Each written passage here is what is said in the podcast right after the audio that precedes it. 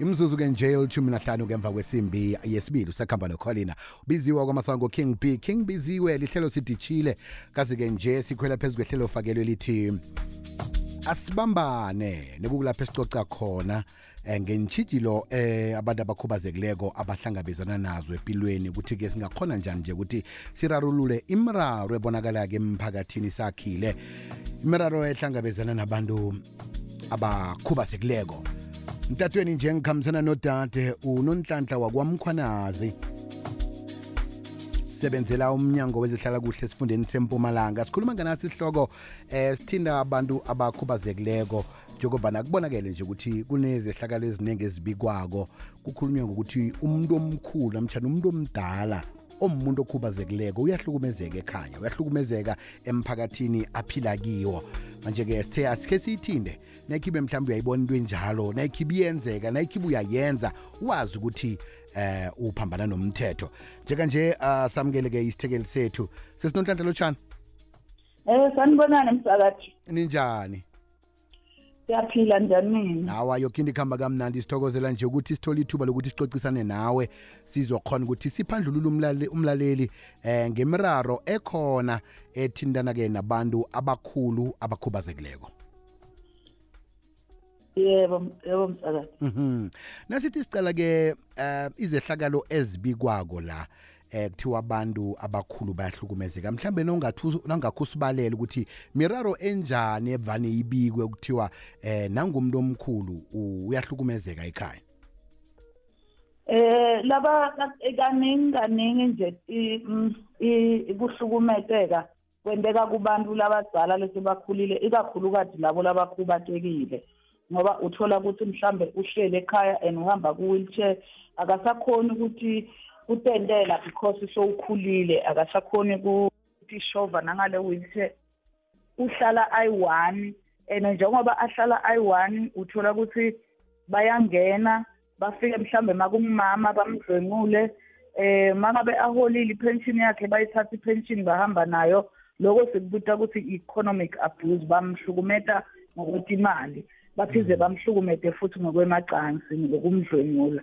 And then lokunye futhi ihlobo lokuhlukumeta siyaye sibone babahlukumeta physically ngokumshaya eh uma bahlala naye mangabe khona la kucelako babona ukuthi so uyabahlupha bayamtsipa you know tindo letinjalo nje. And utothola loyo mhlawumbe la utothola ama signs ukuthi uyashaywa ubone la emtimbeni wakhe Nembaji, sokushaywa mm, mm. eh eh, eh, la mhlawumbe etsanyeni bayamkhama ubone ukuthi hayi la bekakhanywa lo muntu omdala njalo njalo so ngileto ke tinhlobo kakhulu kakhulu nale economic abuse in a sense yokuthi mhlambe bambona sokukhulile batothi bona baye ku-social worker sifuna kumyise old age home Mm. but uthole ukuthi le khathi angakakhubateki asese-right bekasebenza unendlu yakhe kahle kahle sibamcosha la endlini bantu abakhe. Benta ngathi bayamprotecta kanye bayam bayamhlukumeda sebomlahle old age home kuze bakhone kuba ne-access kule ndlu Mhm.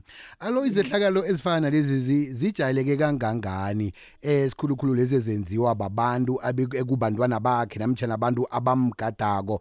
Eziningi ngilezi ezenziwa babantu ahlala nabo namtjhana ngilezi ezenziwa babantu abachili avane bangene ba- ba- baphule indlu bazokweba.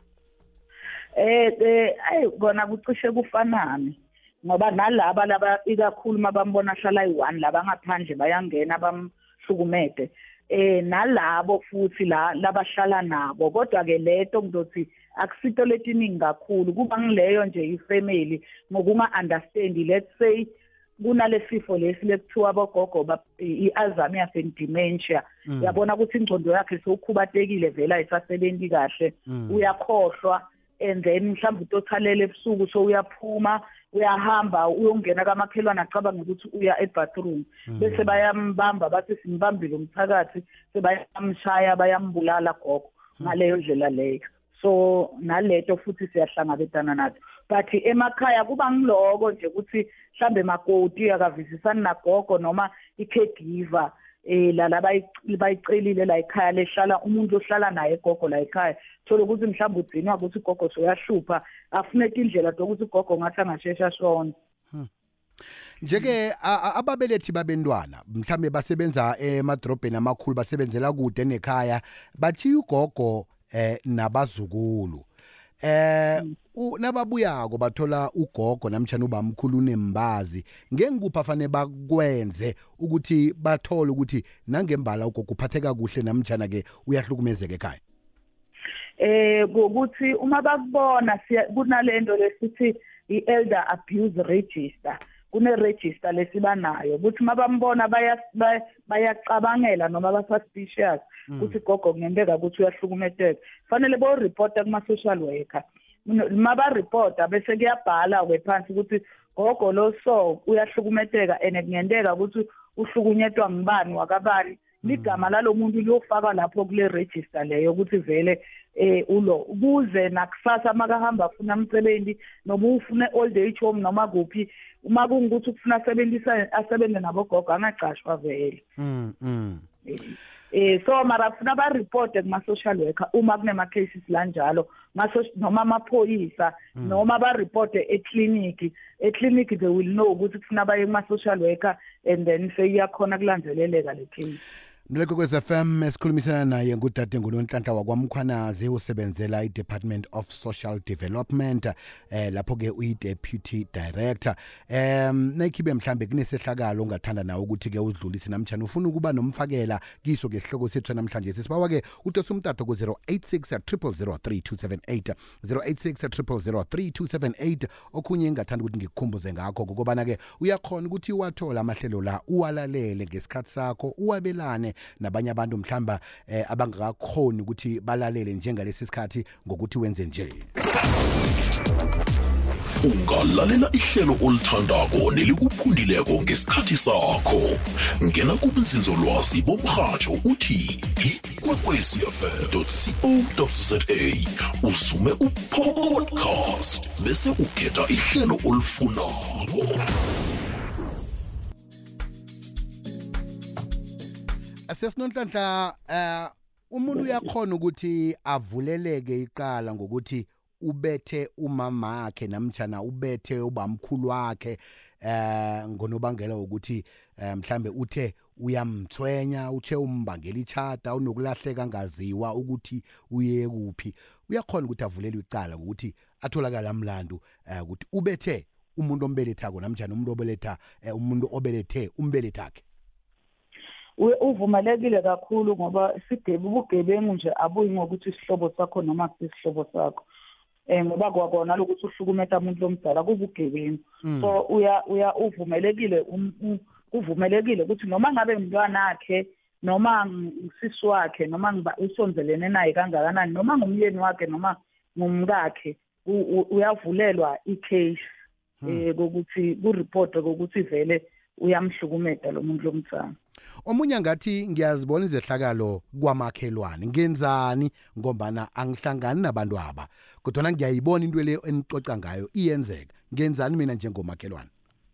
Njengoba besengishilo umsakati ukuthi uyaya kuma-social worker uyoyiripota le case noma emaphoyiseni uripote mara kufanele ukuthi mangabe awufuni ukuthi kwateke ukuthi nguwe ufuna kuba anonymous kuvumelekile lokho ligama lakho alibalwa bese iyalandzelelwa leyo case leyo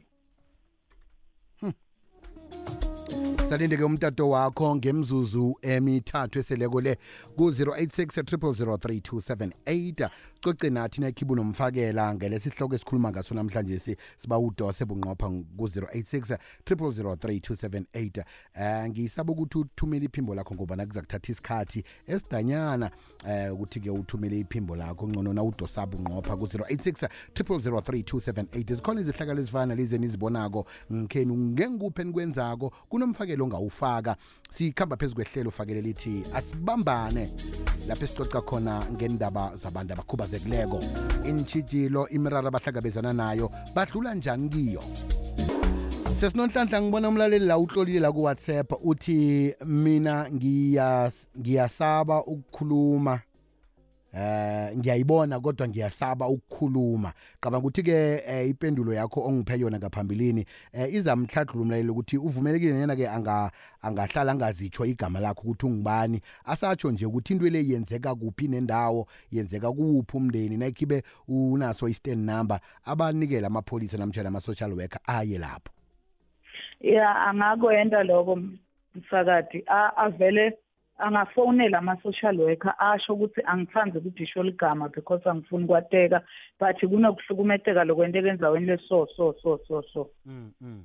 Eh. omunye ke angathi uh, ama-ofisi wa- wama-social worker angikwazi kuphi lapho engikhona. Mhlambe kunenomboro eningasipha yona lapho angadosela kuyo namtshana yena ubamkhulu namtshana ugogo mhlawumbe uyakhona nje ukuthi adose umtato. Ngengiyiphi inomboro angayidosela ukuthi abike izehlakalo ezifana nalezi?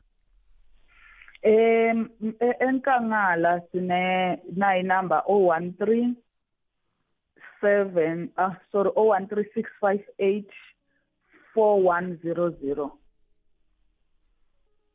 ngiba sibuyelele Em, ngiba sibuyelele leyo ma. 013 mhm. 658 4100 mhm.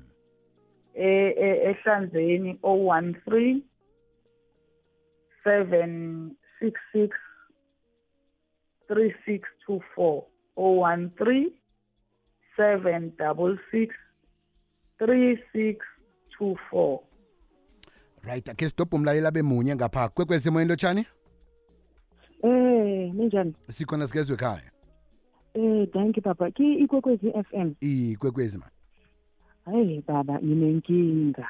eh Inkinga yami angithi ukuthi ni- ni- ni- ngiyisa kuphi ne?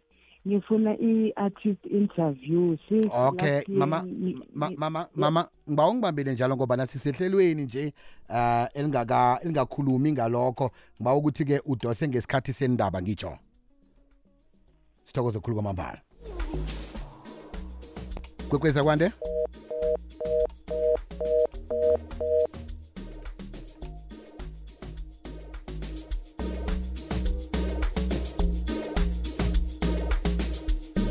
sesinonhlanhla isikhathi sethu sesisiphelele ngiba ukuthi siyivale. Mhlambe ngengwapha amagama ongathanda ukuthi uwakhulume kibo bonke abahlali isikhulukhulu bempumalanga eh ukuthi bakhona ukuthi babalekele ukuthi bahlukumeze abantu abakhulu abakhubazekileko.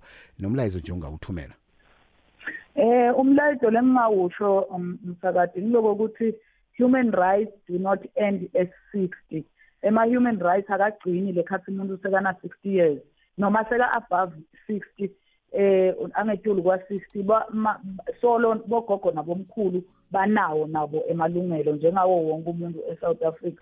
So lapho sibona khona kuhlukumeteka kungumsebenzi wawo wonke umuntu noma usebenza ka-government noma usebenzi noma ulunga lemphakathi kokuthi ureporte ma-case lanjalo. Ngiyabonga. Sithokoza kakhulu kwamambala mlaleko kwekwez FM besikhulumisana naye ngudade la unonhlanhla wakwamkhwanazi oyi-deputy director lapha-ke emnyangweni wezehlala kuhle esifundeni sempumalanga. Nangevekezako ngesikhathi esifanako sabe sinalo ihlelo asibambale nekukulapho-ke esicoca khona nabantu abakhubazekileko ngabantu abakhubazekileko nemrara abahlangabezana nayo.